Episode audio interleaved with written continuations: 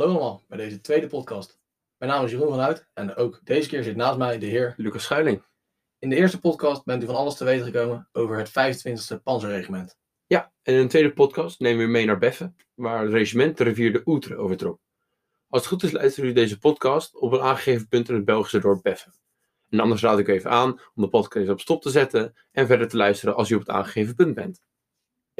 Met de reis naar Beffen heeft u tot nu toe waarschijnlijk al de nodige kilometers afgelegd. En misschien bent u onderweg wel een file tegengekomen of in een file beland. Het grappige is dat het 25e regiment ook niet zonder oponthoud richting Beffen trok. Het regiment vertrok in de avond van 9 mei vanuit de barakken uit Keulen en trok richting Aken om vervolgens ten zuiden van de Duitse stad de Duits-Belgische grens over te trekken.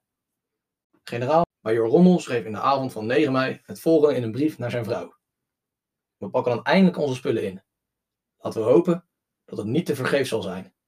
Het nieuws zul je de komende dagen wel lezen in de kranten. Maar maak je geen zorgen. Nou, uiteindelijk bleek de campagne inderdaad niet te vergeefs te zijn. Maar dat komt allemaal nog wel later in de volgende podcast. We moeten nog een beetje de spanning voor u houden. En daarom beginnen we bij het begin. Ja, precies. Want in de ochtend van 10 mei, zo rond half zes, trok het 25e regiment in volle toeren de grens over, op naar Beffen. Maar zoals ik al zei, zou het niet zonder slag of stoot gaan. De Belgen wisten dat ze de Duitse opmars vanuit Aken, bestaande uit zo'n 1200 tanks, niet konden stoppen. Daarom hadden de Belgische troepen besloten om een veldslag te vermijden. Om toch te zorgen dat de Duitsers werden afgerend in de opmars, werden nog enkele wegen en bruggen versperd of opgeblazen. Dit in combinatie met het van zichzelf al moeilijk doordringbare terrein van de Ardennen had het resultaat dat de Duitse voertuigen amper, amper vaart maakten. Op een gegeven moment deed het regiment er zelfs drie uur over om een magere zes kilometer af te leggen. Ja, inderdaad. Via weilanden, bospaden en omwegen lukte het Rommel en het 25e regiment om toch nog een beetje vooruit te komen. Maar op enkele plekken waren, zoals Rommel zelf omschreef, de bruggen zo vakkundig vernietigd dat ze zelfs als noodbrug niet bruikbaar waren. Uiteindelijk zou het 25e regiment er de hele dag over doen om in de buurt van Beffen te komen. Beffen ligt op ongeveer 100 kilometer van het beginpunt Aken. En om hier een hele dag over te doen, is toch best wel lang. Ja, inderdaad. Dat is inderdaad geen, uh, geen, geen kleine rit, uh, inderdaad. Wij hebben tijdens het maken van deze tour dan ook wel voor gekozen om u niet via de weilanden en bospaden te leiden.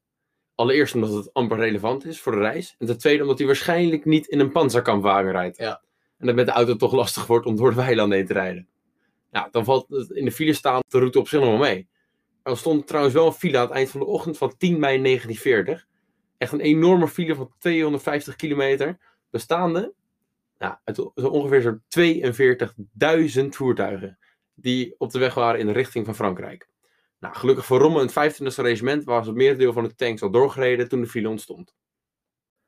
Ook een uh, leuk verhaal om te vertellen is dat in de ochtend tijdens een veldinspectie in de buurt van Metz een Belgische generaal genaamd Boris dacht dat de eerste bombardementen die hij hoorde een test waren.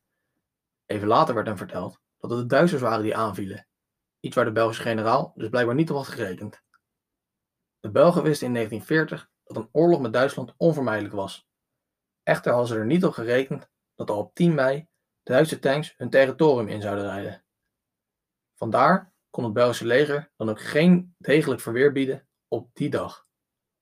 De meeste Belgische divisies trokken zich terug tot achter een verlengd deel van de Maginot-lijn, terwijl een paar dappere Belgen in de ochtend van 10 mei nog enkele wegversperringen plaatsten en een aantal bruggen opbliezen. Na het opblazen van de bruggen en het versperren van de wegen, vluchtten ook dappere Belgen snel terug naar hun veilige posities. Daarom hoefde het 25e Panzerregiment tot aan Bef geen noemenswaardig geschut in te zetten, maar had het wel veel moeite moeten doen om bij het dorp te komen. Ja, precies. Nou, nou toen ze eenmaal in Beffen waren, dus na die, uh, na die lange reis inderdaad, uh, wisten de soldaten en officieren dat het nu al ongeveer afgelopen zijn met de weggesperringen. Nou, en dat de echte slag nu eigenlijk wel zou gaan beginnen. Nou, vanaf dat moment zijn er, is er meer verweer gekomen van de geallieerden. Dat was ook te verwachten natuurlijk. Ja, en waar het nu staat, is namelijk de brug van de rivier over de Oetre. En Rommel en Rotenburg wisten dat dit een felbegeerde oversteekpunt was voor hun tanks. Want eenmaal de, eenmaal de Oetre over, zou de echte oorlog beginnen voor Rotenburg en zijn 25e regiment. Nou, in de avond van 10 mei had een motorregiment genaamd Kraatschützen Bataillon 7 een groep Belgische en Franse troepen verdreven uit omstreken rond Beffen.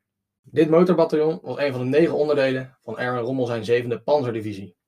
Het uh, zevende motorbataljon uh, had de geallieerde troepen verdreven uit Beffe, maar helaas niet op tijd. Want het was een Franse luitenant genaamd George Kozak gelukt om een aantal bruggen over de Oetre nog op te blazen. De brug waar nu dan ook staat, eh, die was er destijds voor mij überhaupt niet. Nee. Maar een brug even verderop, waar u als het goed is overheen bent gekomen toen u naar dit punt reed, die lag er toen wel, maar die was dus opgeblazen door de Franse luitenant. Precies. Uh, zijn, uh, zijn, uh, zijn troepen, zijn Franse troepen, met hulp van Belgische troepen, slagen erin om een brug bij Hotton, een dorp ten noorden van Beffe, te vernietigen. En de brug bij Beffe dus ook. En dit zou trouwens wel heel veel moeite hebben gekost, aangezien er nog een grote storm Belgische vluchtelingen over de bruggen aan het vluchten was voor de Duitse troepen. Echter zou George Kozak uiteindelijk besluiten om de bruggen wel op te blazen tegen de middag. En uiteindelijk waren dus ook de enige bruggen over de rivier vernietigd, waardoor de Duitsers dus niet meer uh, snel de rivier over konden steken. Ja, precies. Nou, toen koos ik samen met de Franse en Belgische soldaten de benen nam, om in Marseille zich weer aan te sluiten bij de Franse 4e Cavalieriedivisie, werden ze bekogeld met Duitse bommen en beschoten door de Duitsers.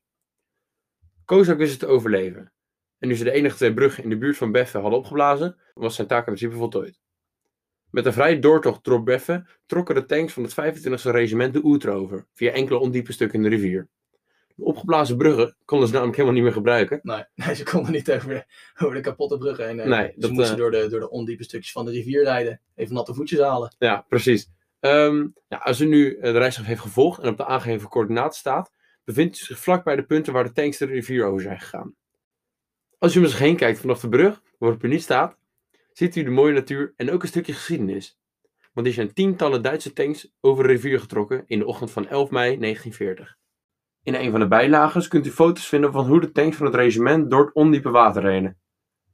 Om de tanks van zijn panzerregiment de rivier over te laten steken was volgens commandant Rottenburg trouwens geen gemakkelijk karwei, aangezien er slechts enkele bospaden en smalle wegen richting de rivier liepen. Daarnaast was de brug over de rivier opgeblazen en moesten dus ook nog eens door de rivier zelf heen. Nou, in het verloop van de dag, 11 mei 1940, werden plateaus over de rivier gelegd en uh, ja, een aantal Duitse monteurs die slaagden erin om dus toch een soort noodbrug te maken, waardoor de rest van de voertuigen de rivier ook over kon steken. Vervolgens besloten Rottenburg en de zijnen om door te trekken richting Marseille en Feman, om zich in dit dorp te hergroeperen. Vanaf Marseille zou het regiment in zijn geheel naar Lyon gaan, een dorp dat ongeveer 25 kilometer ten westen van Beffe ligt. Op deze route zouden de mannen van het 25e regiment hun eerste echte krachtmeting krijgen. Dit is helaas slechts een teaser van dat verhaal, waarover u meer zult horen in de volgende podcast. U bent nu de Outre over en u kunt door richting Dinant, waar het volgende deel van het verhaal u te wachten staat.